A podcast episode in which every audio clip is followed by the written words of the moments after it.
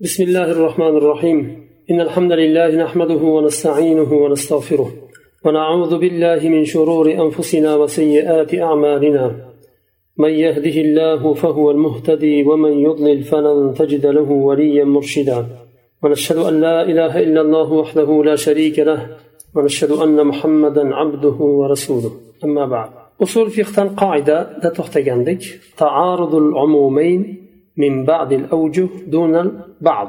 إكتا أموم دليل كلادا وشو إكتا أموم دليل بربرجا قرم قرش بولاد برتربتا دمك إكتا أموم إفادة خيان دليل حماس بربرجا كليا قرم قرش بوميدا فقط جزئيا برتربتا ينا قرم قرش لك بولاد قد يرد لفظان عامان متعارضان وكل منهما أعم من الآخر من وجه وأخص منه من وجه آخر. ikkita bir biriga qarama qarshi umumni ifoda qilgan dalil keladi va ulardan har biri bir tarafdan umumni ifoda qiladi boshqa tarafdan xususni ifoda qiladi وحينئذ يعمل بكل منهما فيما لم يعارض فيه الآخر bunday holatda nima qilamiz ikkala umumga ham amal qilinadi bir biriga qarama qarshi bo'lmagan o'rnida amal qilinadi chunki umumni ikkala dalilni bir biriga qarama qarshiligi juz'iy bo'ldi وأما ما تعارض فيه فيطلب له الترجيح من خارج أما bir biriga qarama qarshi bo'lgan yeri tashqaridan dalil talab qilinadi tarjih qilishlik uchun qaysisi tarjih qilinadi boshqa dalil bilan tarjih qilinadi bir biriga qarama qarshi bo'lmagan yeri amal qilinaveradi chunki birinchi dalil umumni ifoda qilgan ikkinchi dalilga qarshi bo'lmagan yerlari bor o'sha yerda amal qilinadi ikkinchi dalil ham xuddi shunday ammo bir biriga qarshi bo'lgan yerlarida tashqaridan dalil talab qilinadi ومثاله حديث إذا دخل أحدكم المسجد فليركع ركعتين imom buxoriy tahrij qilgan hadisda rasululloh sollallohu alayhi vasallam aytadilar agar sizlardan bittalaring masjidga kirsa ikki rakat namoz qilsin. Bu tahiyatul masjid. Ma hadifin nahi ani solati fi avqatin nahi boshqa hadisda rasululloh sallam vasallam namoz o'qishlik mumkin bo'lmagan o'rinlarni bildirganlar. Ba'zi vaqtlarda namozni qilishdan qaytarganlar. Endi qarama qarshi bo'ladigan yeri qayerda o'sha namoz man qilingan nahiy qilingan vaqtlarga to'g'ri kelib qolsa masjidga kirish. Chunki sizlarni bittalaring masjidga kirsa ikki rakat namoz qilsin deyildi hadisda. Zamoni aytilinmadi. Faqat bu vaqtlarda qilmasin deyilmadi. Umum bo'ldi bu umumni ifoda qildi. Har qanday kishi masjidga har qanday vaqtda kiradigan bo'lsa bu hadisni dalolati bilan aytamizki ikki rakat namoz qilish kerak bo'ladi. Lekin boshqa hadisda namozni o'qimaydigan ba'zi bir vaqtlar bor. O'sha vaqtlarda rasululloh sollallohu alayhi vasallam namoz o'qishdan qaytardilar. يعمل بالحديث الأول في صلاة تحية المسجد بعد المغرب وفي الليل وفيما بين العصرين وغير ذلك أي فيما عدا أوقات النهي ويعمل بالحديث الثاني بترك الصلاة بعد العصر وسائر أوقات النهي في سائر الأمكنة خارج المسجد bu yerda birinchi hadisga amal qilinadi tahiyatul masjidda. Mag'ribdan keyin agar masjidga kirsa istagan vaqtda yo kechasi kirsa bu vaqtda tahiyatul masjidini o'qiydi. Chunki fal yarka rakatayn dedilar. Va bu vaqtda namoz qaytarilmagan mag'ribdan keyin. Ammo asrdan keyin asr bilan mag'ribni o'rtasi baynal asrayn bu vaqtda namoz qaytarildi. Nafl namozlarni o'qishdan. Asr bilan mag'ribni o'rtasidan boshqa vaqtlarda masjidga kirganda namoz o'qishligi mumkin. Va ikkinchi hadisga amal qilinadi. Asr vaqtidan keyin asr namozidan keyin kirsa mag'ribgacha va boshqa namoz nahiy qilingan vaqtlar bor zavol vaqtida. Va quyosh chiqayotganda va quyosh botayotganda bu vaqtlarda rasululloh alayhi vasallam namoz o'qishdan qaytarganlar. Shu vaqtlardan boshqa vaqtlarda namoz qilsa bo'ladi. Aynan namoz o'qishlik manhiy bo'lgan vaqtlarda ikkinchi hadisga amal qilinadi namoz o'qishdan qaytarilgan vaqtlarda nahiy qilingan vaqtlar faqatgina masjidda emas qayerda bo'lsa ham uyda bo'lsa ham boshqa yerlarda bo'lsa ham u vaqtlarga to'g'ri kelsa qaytarilgan أما صلاة تحية المسجد في أوقات النهي كما بعد العصر فالحديث الأول يأمر بها والحديث الثاني ينهى عنها فتعارضا فيطلب الترجيح من خارج كحديث ما أمرتكم به فأتوا منه ما استطعتم وما نهيتكم عنه فاجتنبوه فإنه يقتضي تقديم حديث النهي على حديث الأمر في موضع التعارض. نهي وقت ذا تحية المسجد نمازنا قلشليك مثلا عصر دنكين بركش المسجد كيكردا تحية المسجد نمازنا قلشليك برينجي حديث من يبوير يبت فليركع ركعتين يبوير يبت ammo ikkinchi hadis undan qaytaradi u vaqtda. Demak ikkita hadis bu vaqtda bir biriga taarud qarama qarshi keldi. Birinchi hadis masjidga kim kirsa sizlardan ikki rakat namoz qilsin dedi. Hop bu kishi kirdi masjidga. Lekin qachon kirdi? Asrdan keyin kirdi. Namoz o'qishlik qaytarilgan vaqtga kirdi. Ikkinchi hadis bu vaqtda namoz o'qishdan qaytaryapti. Bir biriga qarama qarshilik bo'ldi. Bu holatda nima qilamiz? Tashqaridan xorijdan boshqa dalil talab qilamizki bu ikkala hadisni qaysisini biz tarjih qilamiz. Masalan xorijdan bir hadis bu ikkala hadisdan tashqari boshqa hadis ya'ni uchinchi hadis bilan quvvatlaymiz tarjih qilamiz. Rasululloh alayhi vasallam aytadilar ma amartukum bihi fa'tu minhu mastata'tum. Men sizlarga nimani buyursam qudratlaring yetganicha ketiringlar qilinglar shuni. Nimadan qaytarsam undan qaytinglar. Bu hadis taqozo qiladi. Nahiy hadisini amr hadisidan muqaddam qilishlik. Agar bir biriga qarama qarshi kelib qolsa nahiy hadisini amr hadisidan ko'ra muqaddam qilinadi. Bu yerda umum va xususni bir doira shaklida chizibdilar. Birinchi doira masjid fi kulli zaman. Birinchi hadisga taalluqli bo'lgan doira. Har qanday vaqtda tahiyatul masjidini qilishlik ikkinchi doira tarkus solati ba'dal asri fi kulli makan namozni asrdan keyin tark qilishlik har qanday o'rinda masjidda ham boshqa yerda ham demak ikkita doirani bu yerda keltirildi ikkalasini ikki tarafida bir biriga qarama qarshi bo'lmagan yeri bor masalan qarama qarshi bo'lmagan yeri صلاة تحية المسجد في كل وقت ما عدا بعد العصر مشروعة تحية المسجد o'qishlik namozni agar asrdan keyin bo'lmasa u mashrudir. Ikkinchisi qarama qarshi bo'lmagan yeri tarki solati ba'dal asri fi kulli makanin ma ada al masjid mashruun namozni tark qilishlik asrdan keyin hamma yerda masjiddan boshqa u mashrudir. O'rtada ikkalasini qarama qarshi bo'lgan yerini keltirgan. Solatu tahiyatil masjid ba'dal asri fil masjidi ma hukmuha.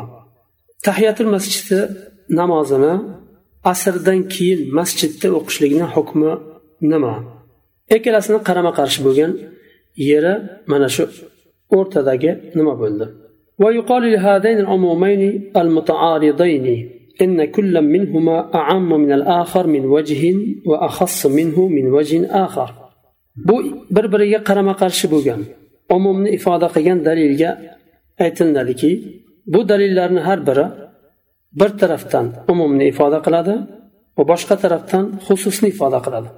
مثالان آخران التعارض بين حديث النهي عن قتل النساء وقوله صلى الله عليه وسلم من بدل دينه فاقتلوه يتعارضان في قتل المرأة المرتدة والتعارض بين حديث أيما إهاب دبغ فقد طهر مع حديث النهي عن جلود السباع فإنهما يتعارضان في جلد السبع إذا دبغ boshqa yana dalil keltiryaptilar rasululloh sollallohu alayhi vasallam bir hadisda aytdilar man baddala dinahu faqtuluhu kim dinini o'zgartirsa o'ldiringlar dedilar chunki u dindan chiqdi musulmon bo'lgandan keyin murtad bo'ldi boshqa dinga o'tdi uni hukmini rasululloh sollallohu alayhi vasallam o'lim hukmi dedilar bu hadis qarama qarshi keladi boshqa hadisda agar shu murtad ayol kishi bo'ladigan bo'lsa o'ldirilmaydi. Boshqa hadisda ayollarni o'ldirishdan qaytarganlar. Shuning uchun ba'zi mazhablarda to o'lgunicha qamoqda saqlab turiladi yo iymonga qaytib keladi qaytadan islomga kiradi yo qamoqda qoladi. Yana boshqa misol rasululloh sollallohu alayhi vasallam aytadilar ayyuma ihabin dubig'a faqat tahura. Har qanday terini oshlansa pok bo'ladi dedilar. Va bu hadis ham teri deganda hamma hayvonni terisi kiradi boshqa hadisda yirtqich hayvonlarni terisidan qaytardilar. Yirtqich hayvonlarni terisi oshlansa ham poklanmaydi. Demak shu o'rinda bu hadis bilan boshqa hadis qarama qarshi bo'ladi. Buni ham tashqaridan boshqa bir dalil bilan tarjih qilinadi qarama qarshi bo'lgan yerini. Al farqu bayna taxsisi va bayna nasx endi taxsis bilan nasxni o'rtasidagi farq. Bir dalilni xoslashlik bilan va uni nasx qilishni o'rtasida nima farq bor? At-taxsisu bayanun va laysa bir dalilni xoslashlik bayon qilishlik uni ibtol qilishlik emas. Bal huwa naw'un min at-tafsir. Balki bu taxsis xoslashlik tafsirni bir turi chunki bir dalil umum keldi. Masalan faqtulul mushrikina deyildi. Mushriklarni qayerda topsanglar o'ldiringlar deb tavba surasida alloh taolo aytdi. Mushriklarni deganda kasallari ham kiradi ayollari ham kiradi qariyalari ham kiradi hammasi kirib ketadi. Lekin boshqa dalil keldida ularni chiqardi kasallarni chiqardi qarshi kurashmaganlarni chiqardi ayollarni chiqardi qariyalarni chiqardi. Boshqa dalil keldida ularni chiqardi. Demak xosladi. bu xoslashlik tafsir qilishlik nozil bo'lgan hukmni tafsir qilishlik bu o'ldiringlar deyildi lekin hammasiga taalluqli emas bu bu bu toifadagilar bu hukmga aloqasi yo'q degan bir tafsir فالتخصيص يبين أن البعض المخرج لم يكن إدخاله في الحكم مرادا أصلا منذ مجيء الحكم الأصلي تخصيص نما دegani تخصيص asliy hukm nozil bo'lganda umumni ifoda qilgan faqtulul mushrikina deb masalan misol uchun biz bitta oyatni oldik bu yerda. Ko'p bu oyatga o'xshagan umumni ifoda qilgan dalillar. Asli hukm nozil bo'lganda xoslanib chiqarilgan bu hukmni ostidan chiqarilgan narsalar aslida bu hukmni asliga kiritilish iroda qilinmagan ekanini bildiradi. Demaymizki alloh taolo oldin buyurdi umumni ifoda qilganda hammaga taalluqli edi undan keyin buyurgandan keyin qaytarib bularni chiqardi demaymiz alloh taolo buyurganda aslida u ular nazarda tutilmagan edi shuning uchun u taxsis boshqa dalil keldida ularni chiqardi bu nasxni xilofi yuqorida aytganimiz hozir xoslashlik taxsis bu فإن الحكم المنسوخ كان مرادا ثم تغيرت إرادة الناسخ ba'da muddatin faalghathu. Mansukh qilingan hukm murod qilingandi. Masalan rasululloh alayhi vasallam aytdilar kuntu qad nahaytukum an ziyaratil qubur. Men sizlarni qabrlarni ziyorat qilishdan qaytargan edim. Endi ziyorat qilaveringlar chunki sizlarga qabrlarni ziyorat qilish o'limni eslatadi degan mazmunda hadis bor. Demak oldin bu nahiy qilingan. Aynan shu nahiy qilishlik qabrlarni ziyorat qilishdan qaytarishlik murod qilingan oldin. Iroda qilingan va uni sababi bo'lgan o'zini. Undan keyin nasx qiluvchi musharriani irodasi o'zgaradida bir muddatdan keyin u iroda qilingan yuqoridagi hukmni ilg'o qilinadi va o'rniga yangi hukm keltiriladi bu yerda hozir sabablari hikmatlari haqida usul fiq gapirmaydi. Faqat qoidalar nimalarni gapiradi? Masalan uni bir hukmni oldin musharri tashri qilgan bo'lsa masalan qabrlarni ziyorat qilishdan qaytarilgan bo'lsa uni bir sababi bo'lgan o'sha hukmga ehtiyoj bo'lgan aynan o'sha vaqtda shuning uchun qaytarilgan. Bir muddatgacha shu hukm turgan va undan keyin bu hukmni ilg'o qilib boshqa hukmni keltirishlikka ehtiyoj bo'lgan shu keltirilgan yangisi فالنسخ يتبدل به الحكم الذي كان ثابتا ومقررا في السابق إلى وقت النسخ نسخ nima degani nasx qiluvchi hukm kelgani kelgunicha muqarrar bo'lib sobit bo'lib turgan hukmni o'zgartirishni nasx deyiladi bir hukm sobit bo'lib turgan va nasx qiluvchi hukm keldida uni o'zgartirdi أما التخصيص فيتبين به مراد الحاكم بحكمه الأصلي من الوقت الذي نزل فيه الحكم الأصلي تخصيص بوسا حكم قلوچ حاكمنا مراد nozil qilgan vaqtidan boshlab hukmni aslini bayon qilishligi bu taxsis deyiladi ya'ni faqatulul mushrikina deganda shu hukm nozil bo'lgan vaqtida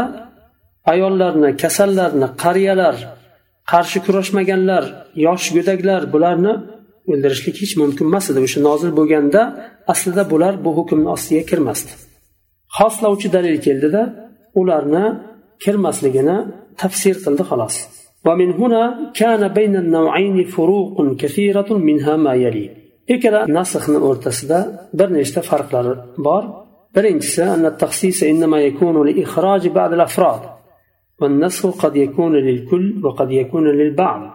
xoslashlik ba'zi bir fardlarni umumni ifoda qilgan dalilning hukmini ostidan chiqaradi bu bu fardlar bu hukmni ostiga kirmaydi deb chiqaradi bu xoslashlik bo'ladi nasx ba'zisini chiqarishi mumkin yo hammasini ham chiqarishi mumkin وقد يشتبه نسخ البعض بالتخصيص بمتأخر نسخ bilan taxsis bir biriga chalkashishi ham mumkin ishtiboh bo'lishi mumkin taxsisni hammasi emas mutaaxir bilan taxsis qilingan chunki xoslashlik faqatgina mutaaxir dalil bilan bo'lmaydi birga ham kelishi mumkin oldin ham kelishi mumkin keyin ham kelishi mumkin ammo nasx faqat keyin keladi shuning uchun mutaaxir kelgan taxsis bilan ishtibohli bo'lishi mumkin وإنما يفترقان بإرادة المتكلم فإن كان يريد إدخال الكل في الحكم الأول ثم تغيرت الإرادة بالنسبة إلى البعض فألغى الحكم بالنسبة إلى ذلك البعض أو بدله فهو نسخ بالنسبة إلى ذلك البعض bu mutakallimning irodasi bilan farqli bo'ladi bir biridan agar mutakallim umumni ifoda qilgan so'zda umumni ifoda qilgan hukmga kulni hammasini kirgizishni iroda qilgan bo'lsa undan keyin bu fardlarni hammasi kirgandan keyin uni irodasi o'zgarsada shu kulni orasidan kul degani hamma fardlarning hammasi. Shu umumni ostida bir qancha fardlar bor. Shuni hammasi. Bir muddatdan keyin irodasi o'zgarsada shu fardlarni ba'zilarini chiqarishni istasa hukmni ostidan va umumni ifoda qilgan hukmni ilg'o qilib turib uni hukmini shu fardlarni ba'ziga nisbatan ilg'o qilsa agar. Yo o'zgartirsa boshqa bir hukm bilan bu holatda o'sha ba'zi afrodlarga nisbatan bu nasl hisoblanadi. Taxsis deyilmaydi. Nima uchun? Chunki oldin hammasi iroda qilindi taxsisda hammasi iroda qilinmaydi. Yuqorida o'tgandek faqtulul mushrikina oyati nozil bo'lganda ayollaru kasallar yosh go'daklar bolalar qariyalar kirmasdi aslida kirmagandi ular. Lekin bu yerda hammasi kirdi bir hukmni ostida. Bir muddatdan keyin ilg'o qilindi bir qismi buni nasx deyiladi أما إن كان لا يريد دخول البعض في الحكم الأول أصلا أما hukmni avvalida iroda qilinmasa shu ba'zi afrodlar u holatda nasx deyilmaydi bu taxsis deyiladi ولو عمل بعض الصحابة بالبعض الذي جرى إخراجه من الحكم الأول وأقره النبي صلى الله عليه وسلم ثم ورد الإخراج فهو نسخ. أجر صحابة hukm nozil bo'lganda shu dalilga amal qilishgan bo'lsa va shu umumni ifoda qilgan hukmni fardlarning hammasiga joriy qilgan bo'lsa sahobalar va buni rasululloh alayhi vasallam ko'rib iqror qilgan bo'lsalar undan keyin shu fardlardan afroddan bir qismi chiqarilsa shu hukmni ostidan bu nasx bo'ladi. Sahobalarda amal qilishi dalolat qiladiki demak hammaga taalluqli bo'lgan butun fardlariga nisbatan bu joriy qilingan bir hukm bo'lgan ekanini dalolat qiladi. Sahobalar bunga amal qilgan va rasululloh sollallohu alayhi vasallam buni iqror qilganlar. Demak undan keyin agar o'zgaradigan bo'lsa demak nasx bo'ladi. Chunki demak hammasini fardlarning hammasi hukmni ostiga kirishi iroda qilingan deyiladi. Agar fardlarni hammasi hukmni birinchi hukm nozil bo'lganda hukmni ostiga kirishi iroda qilinmagan bo'lsa u taqsis ikkinchisi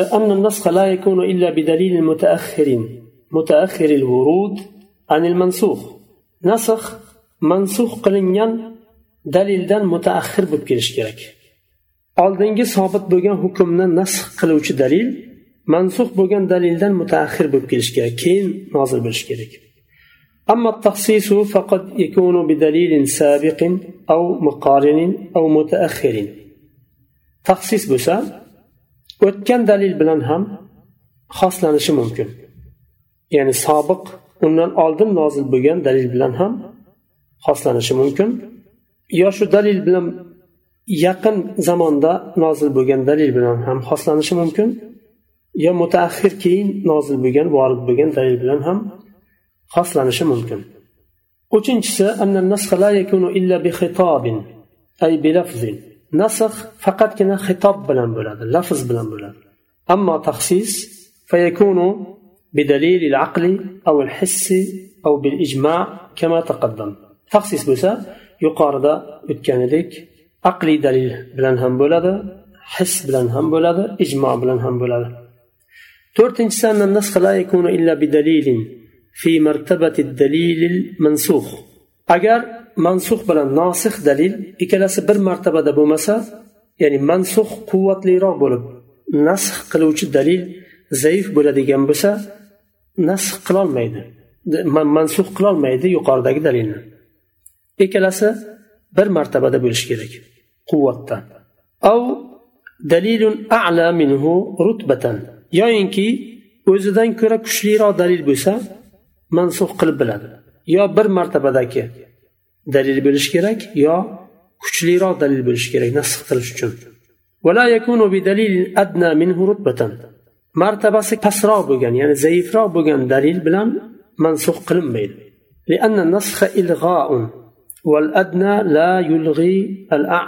Chunki nasx qilishlik bir hukmni ilg'o qilishlik.